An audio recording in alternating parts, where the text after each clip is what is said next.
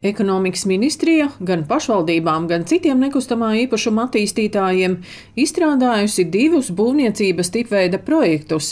Viens paredzēts dzelzbetona daudzdzīvokļu dzīvojamo māju būvniecībai, otrs daudz dzīvokļu ēkām ar koka nesošajām konstrukcijām.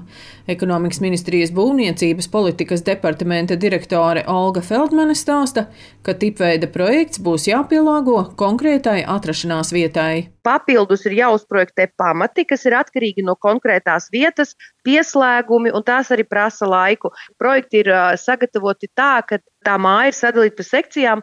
Ja mazai pašvaldībai sākumā varbūt vajadzēs vienu sekciju, bet cita var uzreiz startēt ar trīs, četrām sekcijām un attiecīgi šādi veidot. Būvprojekts ir vērtīgs arī ar to, ka tur ir optimāli risinājumi gan ventilācijas sistēmām, gan vidas pieejamībai, un projekts noder arī projektētājiem, kas var paņemt kādu konkrētu risinājumu, vai nu fasādes risinājumu, vai nu ventilācijas risinājumu, un izmantot to tālāk jau savās dzīvojamās mājās, savos projektos. Interesi par būvniecības tipveida projektiem izrādījuši 12 pašvaldību pārstāvji, bet Olga Feldmane no ekonomikas ministrijas vērtē, ka pērn projektu īstenošanu kavēja straujais cenu pieaugums būvniecībā.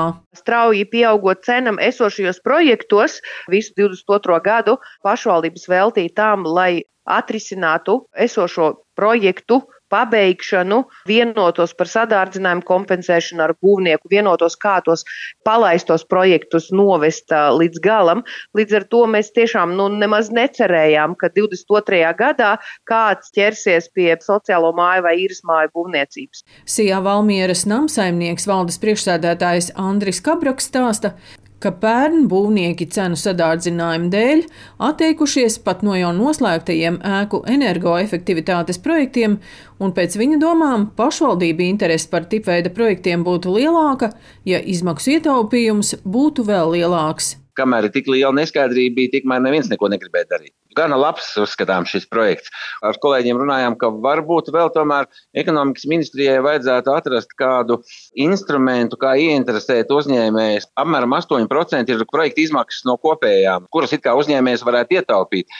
Bet tas, kas būvēs, pamatā jāliek šai ēkai, būs viņš pētījis konkrēto sasaisti ar zemes gabalu un tāpat pārrēķinās droši vien to projektu. Tad vēl varbūt tās atrastu kaut kādu finansējumu veidu, kaut kā granta veidā, ka, lai varbūt to sasaisti ar zemes gabalu varētu nofinansēt, lai tam uzņēmējiem būtu vēl drusku lielāka interese izvēlēties tieši šo projektu. Andris Kabraks no Valmieras namsaimnieka stāsta, ka tieši zemāku izmaksu dēļ Valmiera gatavojas startēt Altuma programmā, kur 120 dzīvokļu ēkas būvniecībai no Eiropas finansējuma var saņemt grantu 30% apmērā parastā standarta biznesa projektā jau uzņēmējs uzceļ ēku, viņš parēķina, lai viņam atmaksātos, ka viņam jāprasa tik un tik eiro par kvadrātmetru īres maksa, un tad viņam tas biznesa projekts atmaksājas.